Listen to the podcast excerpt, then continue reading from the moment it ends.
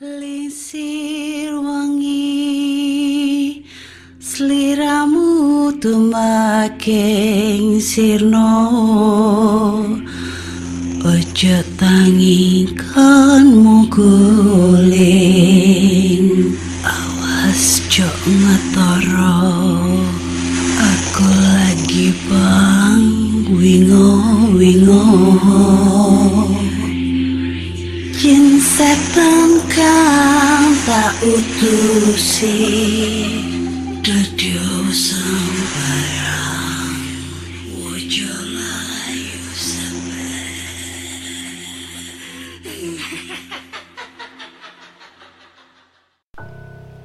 Hai Re Ya apa kabar? Ketemu lagi dengan aku si Ana di podcast kisah horor Kita bertemu di episode 260 Berapa nih? 267 Dan di episode kali ini akan membacakan cerita horor Ataupun email berhantu yang sudah dikirimkan teman-teman Melalui podcast kisah horor gmail.com Ataupun di Instagram podcast kisah horor. Hah, berkangen sama gue. Mm-mm. Maaf ya. Ini lagi panas-panasnya hati. Tapi sekarang Surabaya hujan coy. Terus eh juga di Surabaya lagi rame Apa namanya eh, Opening U17 tuh Piala Dunia. Mana stadionnya kan deket banget tuh sama rumah gua. Jadi kan nyari ceperan dulu di sana jual-jual air mineral gitu jual-jual gorengan di sana. Kan lumayan gitu loh. Enggak enggak. Gimana nih kabar kalian semua? Di tempat kalian udah hujan belum? Di Surabaya udah dua kali hujan. Dan itu pun juga hujannya bentar terus abis itu panas lagi wah berasa di sauna ngap-ngap gimana gitu tapi aku harap kalian sehat selalu eh dilancarkan rezekinya semua. Amin amin amin. Jadi langsung aja deh baca ceritanya. Bingung mau ngomong apa anjrit. Enjoy. Jadi cerita pertama ini berjudul Minimarket dalam kurung customer misterius. Wah. Oke. Halo Kak Ana. Jadi langsung aja kita baca eh, ke ceritanya aja Kak karena ini agak panjang. Jadi mohon maaf sebelumnya kalau eh, ceritanya ini agak belibet ataupun tulisannya aja mungkin gak nyambung. Baru tiga bulan aku tuh bekerja di sini di sebuah minimarket terbesar di Jakarta. Sebenarnya aku mau aja kerja di pabrik ataupun berkantoran. Cuma siapa juga yang mau menerima karyawan lulusan SMA seperti aku ini. Dan daripada memilih-milih pekerjaan yang hanya akan menambah beban pikiranku, akhirnya aku pun melamar menjadi seorang kasir. Bulan ini aku mendapatkan jatah shift malam. Otomatis aku harus bekerja sampai pukul 12 malam. Toko tutup jam 10 malam dan sisanya aku dan beberapa temanku yang menerima shift yang sama menggunakannya untuk membersihkan toko. Malam ini ada aku, Nina, Teguh, dan Bayu. Teguh dan Bayu mendapat tugas menjaga gudang serta barang-barang toko yang ada di sana. Sementara aku dan Nina mendapatkan jatah sebagai kasir di depan. Untunglah aku dan Nina berteman baik dan beruntungnya dia nyambung kalau aku ajak bicara. Malam ini udara sangat dingin. Hanya beberapa pengunjung yang datang ke toko untuk membeli makanan ataupun peralatan rumah tangga. Jam sudah menunjukkan pukul 19 lewat 30. Otomatis, Nina yang beragama muslim harus menunaikan kewajibannya yaitu sholat isya. Dan begitu juga dengan Teguh dan Bayu. Kebetulan aku sendirian yang non-muslim di sini. Jadilah aku yang menunggu meja kasir saat ketiga temanku pergi sholat. Selamat datang, selamat berbelanja. Aku menyapa seseorang, seorang pengunjung yang datang dengan salam yang biasa aku gunakan saat orang datang mengunjungi toko ini. Namun ada yang aneh. Pemuda yang aku sapa hanya berjalan masuk dengan dingin. Tak ada senyuman dan tak ada tengokan seolah aku tidak ada di sana.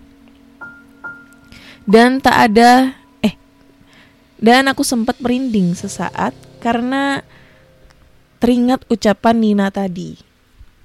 Awas, jangan ke mana-mana. Sering ada perampok di sini. Kamu kan masih baru, jadi harus hati-hati. Ucapan itu kini terngiang di telingaku. Seakan ucapan Nina itu ancaman buat aku yang sekarang sendirian menunggu meja kasir. Bahkan peringatan Bayu pun tak kalah menyeramkan. Menurut dia, minimarket ini banyak penghuninya. Aku sempat gak percaya dengan ucapan Bayu. Tapi ada baiknya aku tetap waspada dan membuka mataku. Aku hanya takut kalau-kalau penghuni lain itu muncul dan menakut-nakutiku. Jam sudah menunjukkan pukul 8 malam. Teman-temanku tidak nampak batang hidungnya. Dan pemuda itu, astaga, ke mana dia? Bukankah dari tadi belum ada yang keluar? Dan dia adalah pengunjung satu-satunya. Aku melihat CCTV yang terhubung dengan salah satu komputer di meja kasir ini. Ah, mungkin dia sudah keluar dan tidak jadi beli sesuatu. Tapi, kenapa aku tidak ingat kapan dia keluar? Padahal aku berdiri di sini tidak sampai satu jam. Aku rasa aku sudah terlalu capek hari ini. Memang shift malam ini adalah shift terpanjang. Dimulai jam 3 sore sampai jam 12 malam. Sesaat kemudian, datanglah seorang wanita berambut panjang memakai daster berwarna putih masuk ke dalam toko. Selamat datang, selamat berbelanja, sapaku. Namun sama, seperti pengunjung pertama. Wanita itu bersikap dingin terhadapku. Dia hanya berjalan melewatiku dan terus masuk ke dalam toko. Lama tak kunjung keluar, aku pun mencoba memeriksanya dari monitor CCTV. Dan aku kembali terkejut saat tahu wanita itu menghilang.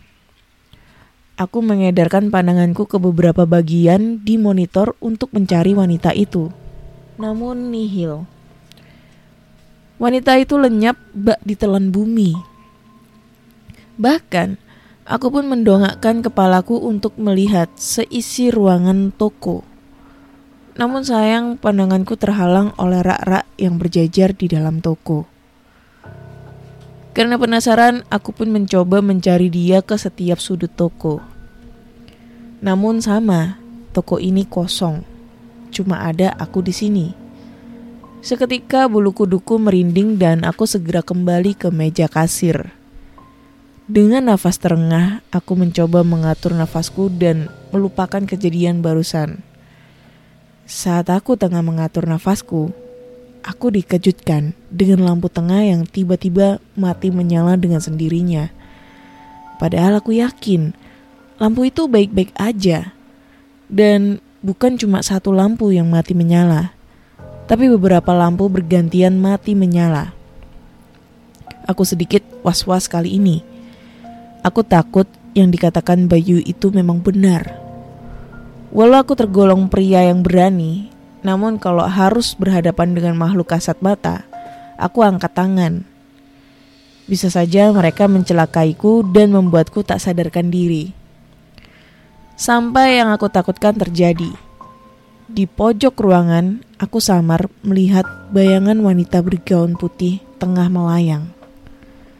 Tapi tunggu, menurut Bayu, kalau seseorang bisa melihat makhluk halus seperti itu, itu tandanya dia akan meninggal. Kuharap yang dikatakan Bayu tentang ini salah. Kalau yang bisa melihat mereka bisa meninggal, lalu bagaimana nasib anak indigo ataupun yang memiliki indera keenam? Kepalaku sakit tak tertahan. Sesekali aku berpegangan pada meja kasir agar tidak jatuh ke lantai. Jam sudah menunjukkan pukul 8 lebih 15 menit dan teman-temanku masih belum kembali. Jangan-jangan mereka sengaja nih ninggalin aku di sini. Dan membiarkan aku berjaga sendirian Kurang ajar kalau sampai seperti itu. Hujan rintik menyapa bumi. Tak disangka hujan yang awalnya kecil sekarang bertambah besar. Dan lampu-lampu itu kembali mati menyala seperti ada yang memainkan saklarnya. Namun itu nggak mungkin. Saklar lampu berada persis di belakangku dan tidak ada siapa-siapa. Aku mencoba tetap tenang dalam kepanikanku ini. Aku hanya takut akan terjebak di toko ini semalaman, tanpa teman dan tanpa pengunjung. Saat aku tengah panik, sekali lagi hal aneh aku terima. Aku mengendus-ngendus hidungku seperti anjing pelacak yang sedang mencari sesuatu. Benar, aku mencium bau anyir darah. Darah yang masih segar karena baunya sangat khas. Oh, nih? Dari kecil jujur aja aku sangat takut dengan darah. Dan bahkan saat aku mencium baunya, aku akan mual dan bisa saja aku pingsan dibuatnya. Benar saja, bau darah ini membuatku kehilangan kendali. Perutku bergejolak seakan ingin memuntahkan isi perutku di lantai. Seketika setelah aku memuntahkan semuanya, pandanganku buram dan seketika aku ambruk. Entah berapa lama aku tak sadarkan diri, cuaca di luar sudah tidak hujan. Hanya saja aku masih yakin kalau waktu mus kalau waktu masih malam hari. Dan betapa terkejutnya aku saat tahu teman-temanku sudah datang. Tapi kenapa mereka menangis seperti itu? Kenapa? Dan ada apa? Aku mendekatkan ke arah mereka dan aku pun kesal. Kenapa aku yang pingsan tidak segera dibangunkan? Malah mereka menangis tak karuan di depan lemari es tempat penyimpanan minuman-minuman dingin. Aku menegur mereka namun tidak ada yang menyaut. Dan betapa terkejutnya aku saat tahu apa yang mereka tangisi. Aku mundur beberapa langkah dan masih shock. Berat dan secara refleks mengamati setiap senti tubuhku. Aku melihat teman-temanku menangisi sosok tubuh menyerupai aku yang kepalanya berlumuran darah berada dalam lemari pendingin. Hah? Rupanya bau darah tadi berasal dari ah ini nih. Aku memilah-milah minuman yang baru dan meletakkannya berjajar di lemari es. Oh ini gimana sih ceritanya? Sampai tiba-tiba terdengar suara alarm pintu menandakan ada orang yang masuk. Selamat datang, selamat berbelanja. Namun aku tidak sempat melawan salah satu di antara mereka yang berjumlah tiga orang datang menghampiriku dan menikamkan sebuah pisau dapur tepat di ubun-ubunku. Aku berteriak, namun pemuda itu mendekapku dan aku pun lemas dan semuanya kabur. 1930 ini flashback ke belakang ya. Aku melihat seorang pria masuk dan lari tunggang langgang saat melihat tubuhku kaku di lemari pendingin penuh darah. 20.00 aku pun melihat seorang wanita berpakaian daster putih lari terbirit-birit sambil berteriak karena melihat darah mengenai sandal cepleknya. Ternyata ucapan Bayu benar. Siapa yang melihat hantu akan segera menemui ajalnya seperti yang aku alami ini. Mati di tangan perampok karena, eh Goblok, Cuk. Sumpah, ini cerita yang sangat bego gitu ya. Capek gue ngebacainnya. Masa endingnya begini? Dana yang ku takutkan terjadi, aku akan di toko ini semalaman bahkan selamanya. Terus ini ceritanya lu setan gitu cerita ngetik gitu ke email. Terus lu menceritakan tentang pengalaman lu yang yang mati dibunuh ditikam orang sampai di ubun-ubun blok. Terus lu cerita gitu. Gimana sih? Nih setan gitu yang ngirim emailnya atau gimana nih? Gue bingung. Nggak masuk di Nurul nggak masuk Nurul aduh nggak masuk Nurul anjir anjoy Gimana nih menurut kalian cerita ini? Tapi kalau nggak dibacain tuh sayang ya, udah masuk gitu loh, udah udah panjang nih aku bacainnya. jancu, jancu. Ya itulah, terserah netizen mau berkata apa nih ya. Soalnya biasanya kalau gua ngehujat cerita, gua pasti bakal dihujat balik. Padahal ini nih, kalau kalian baca ya, kalau kalian dengerin cerita ini, ini membagongkan. Masa iya si setan ini ngirim cerita ke email, setannya canggih banget biar bisa kirim email gitu. Hmm, mana ini emailnya uh, melalui dari iPhone lagi. Wah, setannya punya iPhone gitu. Bingung.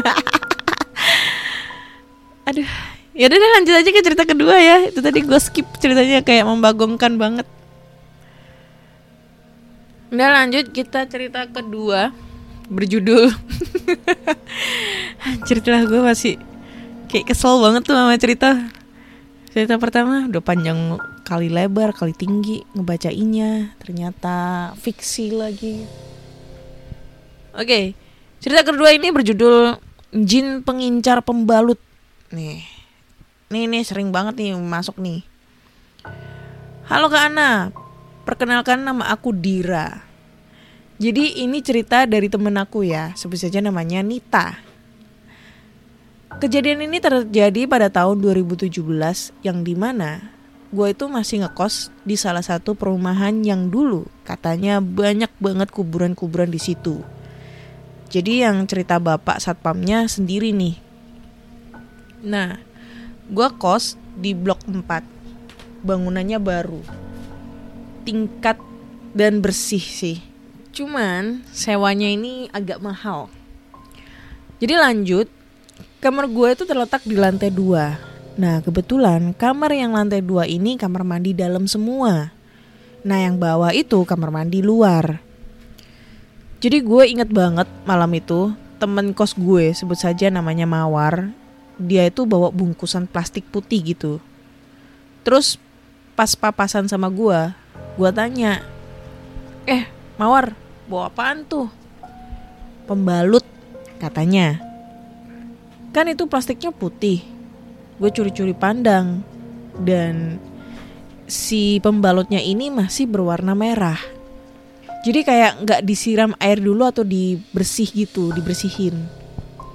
Jadi pembalut itu harus dicuci dulu tuh sebelum dibuang biar gak najis dan mengundang makhluk-makhluk laknatullah laknatullah ilahi. Ya itu kata mak gua. Terus gua kan keluar tuh pas pas pas pas papasan sama dia gue balik lagi ke kos dan masih ngeliatin pembalut dia dihinggapi lalat banyak banget lalatnya terus gue itu ada inisiatif buat bilang sama dia. Tapi gue ketok-ketok kamarnya gak ada jawaban. Ya udah gue ke kamar ke kamar gue sendiri tuh. Nah kemudian gue tuh kebangun jam 3 Kebelet pup. Nah itu gue denger kayak sesuatu barang jatuh gitu Dan itu berat banget.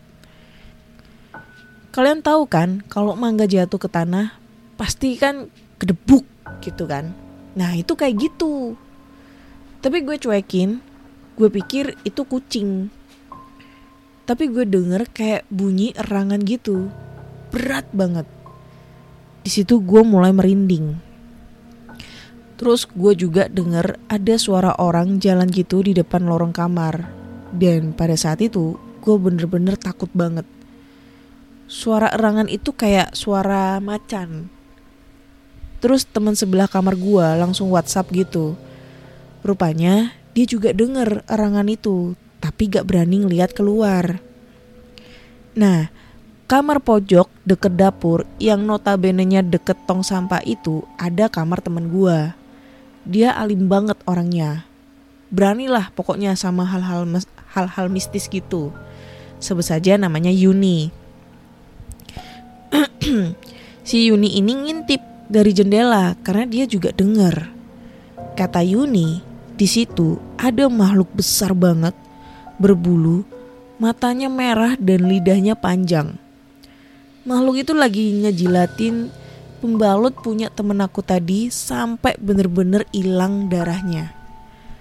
Temenku bener-bener shock dan makhluk itu ngambil sisa-sisa tulang ayam dan pembalut itu. Kata temanku, dia bener-bener gede dan bau. Terus hari kedua, jadi waktu itu gue pulang sekitar jam 10 malam karena ada kepentingan di kampus. Tiba-tiba, lorong depan kamar aku tuh rame sama anak-anak. Gue tanyain tuh mereka. Katanya si Mawar ini kesurupan. Tapi pas gue nyampe, si Mawar ini udah dikasih minum gitu sama ibu kos. Oh ya, by the way di mana eh di bawah juga ada tempat tinggal bu kos. Wajah Mawar merah banget dan keringat bercucuran di muka dia. Kemudian setelah kami udah balik ke kamar masing-masing, tiba-tiba ada suara erangan lagi. Tapi posisi kita masih belum pada tidur. Jadi jendela kamar kami tuh model jendela yang didorong ke depan. Nah, gua dan teman-teman gua masih pada on jendela nih. Belum kami tutup karena masih jam-jam sebelasan gitu kita ngeliat ada makhluk berbulu jalan ke lorong kita. Modelnya kalau gue lihat seperti babi setengah genderuwo. Jalannya persis binatang. Dia ngelewatin lorong kita dan berhenti di kamar si Mawar. Di situ, gue masih ngeliatin dari jendela diem-diem. Temen-temen gue si, uh, temen-temen dan gue dia berusaha masuk ke kamar si Mawar dan dia hilang gitu aja. Kami juga langsung serentak menutup jendela dan berbincang-bincang melalui grup kos. Ya intinya kita jangan tidur dulu malam ini, jaga-jaga kalau si Mawar kesurupan lagi. Dan benar saja tebakan kita. Akhirnya si Mawar kesurupan dan teriak-teriak. Kami langsung mencoba membuka kamar Mawar yang dikunci dari dalam dan anak-anak lainnya panggil ibu kos di bawah sama minta kunci serep. Teriakan mawar makin menjadi-jadi di dalam. Kadang-kadang berubah jadi teriakan kuntilanak. Dulu gue sempat ngerekam dan gue kasih ke mama, tapi langsung gue hapus. Takut. Bu kos naik ke atas dan bawa kunci serep kamar mawar. Dan akhirnya pintu kebuka juga. Dan kami kaget si Mawar membuka, maaf, celana dalam yang dia pakai dan menjilat-jilati pembalut yang dia pakai juga. Anjir. Yang notabene masih penuh darah segar. Dia masih M ternyata. Di situ kami benar-benar kewalahan dan menutupi kemaluan si Mawar pakai jarik. Terus teman gua yang alim tadi baca-bacain ayat kursi uh, mana nih? Baca ayat kursi dan Al-Baqarah. Dia kepanasan dan gue denger dia bilang gini. Awak are iki tak kawani mulih. Yang artinya badan anak ini tak bawa pulang. Kami udah sekuat tenaga memegang si mawar ini dan tenaga kami habis. Dia ketawa lagi kayak kuntilanak dan lari ke balkon. Sumpah, gue merinding ngetiknya. Di balkon, dia mencoba untuk meloncatkan diri. Tapi kami tahan kakinya supaya dia nggak jatuh. Satu kosan gempar. Anak bawah langsung pada naik untuk membantu kami menarik si mawar. Sedikit lagi, jika kami lengah, si mawar bakal jatuh ke bawah. Surat-surat yang dibaca Yuni nggak mempan. Ya nggak tahu kenapa jin gak mempan sama surat-surat Al-Quran. Bukos kami langsung menelpon pemuda masjid asal Aceh. Masjid dekat dengan kosan kami. Kebetulan orang-orang itu sedang berada di masjid tersebut. Seketika pemuda-pemuda itu datang. Salah satu dari mereka memegang kepala si Mawar ini. Mawar meronta-ronta kesakitan matanya tinggal putih aja. Jin tersebut menolak keluar, makanya dalam proses pengeluaran si mawar itu agak kejang-kejang. Dan akhirnya setelah segala proses, jin itu bisa dikeluarkan. Kami membopong Mawar ke kamarnya. Si pemuda-pemuda itu menetralkan kamar Mawar. Aku pun menceritakan masalah pembalut itu ke pemuda ini. Kata pemuda ini, seorang wanita harus benar-benar bersih, eh, bersih-bersih, benar-benar bersih saat berhaid. Membuang pembalutnya tak boleh sembarangan dan harus bersih juga. Jika haid, kita dianjurkan banyak-banyak berzikir. Soalnya, makhluk-makhluk jahat suka mengikuti wanita-wanita haid. Oh ya, satu pesan pemuda ini, jangan membuang sampah tulang ke tong sampah dalam rumah. Karena tulang adalah makanan yang disukai oleh jin. Nah, beberapa minggu kemudian gue pindah kosan tuh. Setelah kejadian kesurupan malam itu. Gue bener-bener sering mencium bau melati di lorong kamar kos gue. Dan akhirnya gue gak kuat. Segitu doang, segitu doang kak cerita dari aku. Maaf kalau banyak salah dalam penulisan. Cerita ini real dan mungkin bisa diambil eh, hikmahnya dari cerita ini khususnya untuk cewek-cewek. Wassalamualaikum warahmatullahi wabarakatuh. Waalaikumsalam. Oke, ini ceritanya lumayan serem kalau bagi gue karena ya ini tuh udah kesekian cerita tentang pengalaman masalah beginian ya. Eh, buang pembalut sembarangan dan posisi pembalutnya itu masih ada darahnya. Dan itu sebenarnya jujur merinding banget. Gue dulu tuh suka takut yang hal yang beginian. Karena ya itu tadi dulu gue pernah cerita kalau temen aku pernah mengalami hal yang serupa gitu loh. Eh, buang pembalut sembarangan posisi eh, masih ada darahnya gitu loh sampai dijilat-jilat kuntilanak anjay.